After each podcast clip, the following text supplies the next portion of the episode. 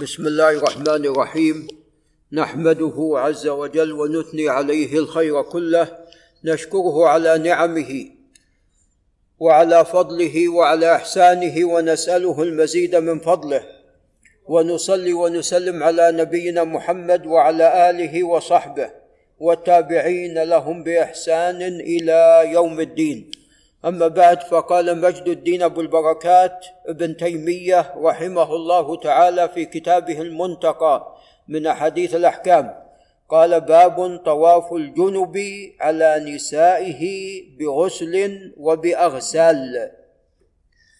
يعني المقصود بهذه الترجمة لا بأس أن الإنسان يجامع أهله حتى ولو كان على جنابه. نعم. وإن كان له زوجتان أو ثلاث أو أربع فلا بأس أن يؤخر الغسل إلى آخر شيء ويطوف على نسائه ولا يغتسل عند كل واحدة منهن. يعني لا يغتسل بعد جماعة للمرة الأولى غسلا ثم ثانيا ثم ثالثا. لا بأس أن يجمع ذلك بغسل واحد. قال عن أنس رضي الله تعالى عنه أن النبي صلى الله عليه وسلم كان يطوف على نسائه بغسل واحد. رواه الجماعة إلا البخاري ولأحمد والنسائي في ليلة بغسل واحد. وهذه الرواية هي بمعنى الرواية السابقة. وجزما في اللفظ الأول على نسائه بغسل واحد هذا في ليلة واحدة جزما ليس في ليالي. قال وعن أبي رافع مولى رسول الله صلى الله عليه وسلم أن رسول الله صلى الله عليه وسلم طاف على نسائه في ليلة فاغتسل عند كل امرأة منهن غسلا. طاف على نسائه في ليلة. فاغتسل عند كل امرأة منهن غسلا وكان عليه الصلاة والسلام قد أوتي قوة صلى الله عليه وسلم. فقلت يا رسول الله لو اغتسلت غسلا واحدا فقال هذا أطهر وأطيب. رواه أحمد وأبو داود. وإسناده ليس بالقوي لعل ابن منيع ينتبه.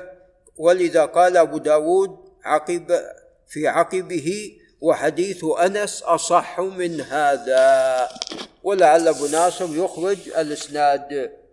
قال أبواب الأغسال المستحبة. نعم. بعد أن فرغ من الأغسال الواجبة أتى إلى الأغسال المستحبة وهي متعددة. قال اولا باب غسل الجمعة. باب غسل الجمعة فالجمعة يشرع لها الاغتسال وكل اجتماع ديني فإنه يشرع له الاغتسال قبل أن يحضر الإنسان الاجتماع ومن الاجتماعات اجتماع العيدين ومن الاجتماعات اجتماع يوم عرفة نعم فيستحب لها الاغتسال وبالنسبة للعيدين وعرفة قد جاء ذلك عن الصحابة رضي الله تعالى عنهم.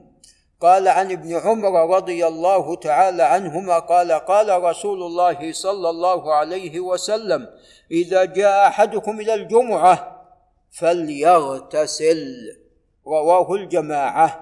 ولمسلم إذا أراد أحدكم أن يأتي الجمعة فليغتسل. وهذا فيه رد على أبي محمد بن حزم رحمه الله تعالى. يقول الاغتسال يوم الجمعة. لعل أبو عمر ينتبه. يقول الاغتسال ليوم الجمعة وليس لصلاة الجمعة. يعني عنده لو أن الإنسان اغتسل بعد العصر يقول لا بأس. وهذا خطأ. الاغتسال لصلاة الجمعة للاجتماع الديني. ولذا هنا قال إذا أراد أحدكم أن يأتي الجمعة فليغتسل. وفي اللفظ الأول إذا جاء أحدكم إلى الجمعة فليغتسل. قال وعن أبي سعيد الخدري رضي الله تعالى عنه أن النبي صلى الله عليه وسلم قال غسل يوم الجمعة واجب على كل محتلم. وهذا جعل بعض أهل العلم يذهب إلى الوجوب. وقد نقل هذا عن الصحابة رضي الله تعالى عنهم. و وقد نقل أبو محمد بن حزم في محلاه وهو كاسمه. نعم إن الصحابة يقولون إذا إذا فعلت ذلك أو أنا أشد ممن لا يغتسل ليوم الجمعة أو نحو هالعباره مما يدل على تأكيد ماذا؟ غسل الجمعة ووجوب ذلك. وهذا ذهب إليه جمع من أهل العلم. وأما الجمهور فيقولون بالاستحباب. وهذا ما رجحه شيخنا الشيخ محمد الصالح العثيمين رحمه الله تعالى. قال غسل يوم الجمعة واجب على كل محتلم يعني بالغ. وهذا يدل على أن قلم التكليف لا يجري إلا على من؟ على البالغين. نعم. قال والسواك. نعم. وهذا فيه تأكيد السواك. ولا يستبعد أن يقال بوجوبه في يوم الجمعة خاصة. وأما في غير الجمعة لولا أن أشق على أمتي لأمرتهم. نعم بالسواك عند كل صلاة. قال وأن يمس من الطيب ما يقدر عليه. ولا يستبعد القول بوجوب الطيب في يوم الجمعة. قال وهذا يدل على أنه أراد بلفظ الوجوب تأكيد استحبابه. كما تقول حقك علي واجب والعدة دين بدليل أنه قرنه بما ليس بواجب بالإجماع وهو السواك والطيب. وقد جاء عن بعض أهل العلم ما يفيد يعني وجوب آه، بعض ذلك غير مسألة الاغتسال. نعم. قال وعن وعن أبي هريرة رضي الله عنه عن النبي صلى الله عليه وسلم قال حق على كل مسلم أن يغتسل. والحق يفيد الوجوب ولا ما يفيد؟ يفيد الوجوب. وقوله عليه الصلاة والسلام غسل يوم الجمعة واجب. يعني نعم هذا يفيد الوجوب. العلماء يأخذون من الأمر أنه يفيد الوجوب. كيف إذا جاء الشيء بلفظ الوجوب؟ غسل يوم الجمعة واجب. نعم. قال وعن أبي هريرة عن النبي صلى الله عليه وسلم قال حق على كل مسلم أن يغتسل. في كل سبعة أيام يوما. وهذا اليوم متى يا أستاذ أبو بكر؟ يوم الجمعة. نعم. يغسل فيه رأسه وجسده. نعم. متفق عليه. قال وعن ابن عمر أن عمر رضي الله تعالى عنه وعن ابنه قال بين هو قائم في الخطبة يوم يوم الجمعة. قائم على المنبر. إذ دخل رجل من المهاجرين الأولين. ومن هو يا شيخ إسلام؟ عثمان رضي الله تعالى عنه. فناداه عمر أي ساعة هذه؟ لأنه دخل بعد يعني شروع عمر بالخطبة. فقال أي ساعة هذه؟ فقال إني شغلت فلم أنقلب إلى أهلي حتى سمعت التأذين. فلم أزد على أن توضأت. قال والوضوء أيضا.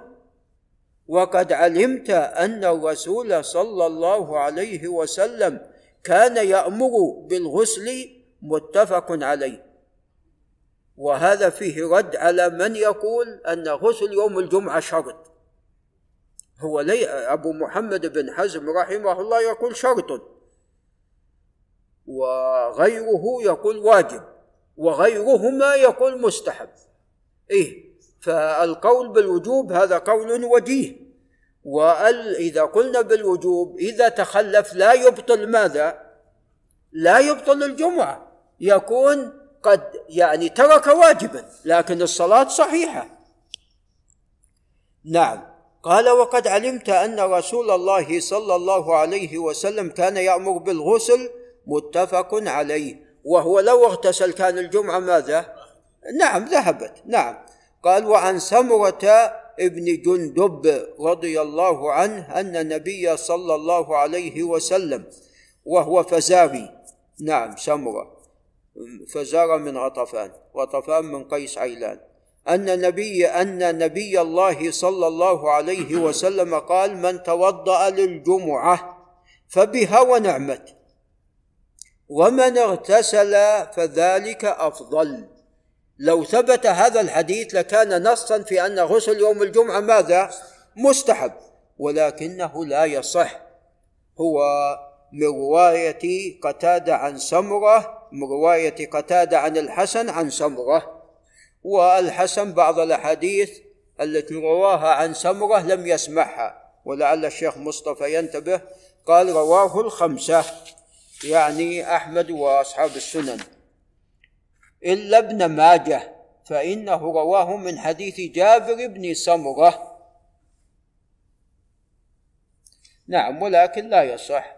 وقال المحقق ليس هو من حديث جابر بن سمرة وهو فيه برقم 91 بعد الألف عن أنس. وكذلك عزاه لابن ماجه عن أنس بن رجب في الفتح والزيلعي في نصب الراية. قال وعن عروة أي ابن الزبير عن عائشة رضي الله عنها قالت كان الناس ينتابون الجمعة من منازلهم ومن العوالي. كان في الجمعة كان في المدينة عفوا يا شيخ بندر كم جمعة تقام؟ أحسنت جمعة واحدة. ما في إلا جمعة واحدة. فيأتون من أنحاء المدينة ومن العوالي فيأتون في العباء فيصيبهم الغبار والطرق فيما سبق ليست مزفلتة. فيصيبهم الغبار والعرق يعني يمشي له ساعة أو نحو ذلك فتخرج منهم الريح. فأتى النبي صلى الله عليه وسلم إنسان منهم وهو عندي فقال النبي صلى الله عليه وسلم لو أنكم تطهرتم ليومكم هذا. يعني اغتسلتم. ليس المقصود الطهارة الصغرى بل الكبرى الاغتسال. قال متفق عليه. وهذا يستدل به على من لا يرى الوجوب أو هناك قول إن كان له رائحة فعليه ماذا؟ أن يغتسل. نعم عليه الوجوب أن يغتسل. قال وعن أوس بن أوس الثقفي رضي الله عنه. قال سمعت رسول الله صلى الله عليه وسلم يقول من يقول من غسل واغتسل.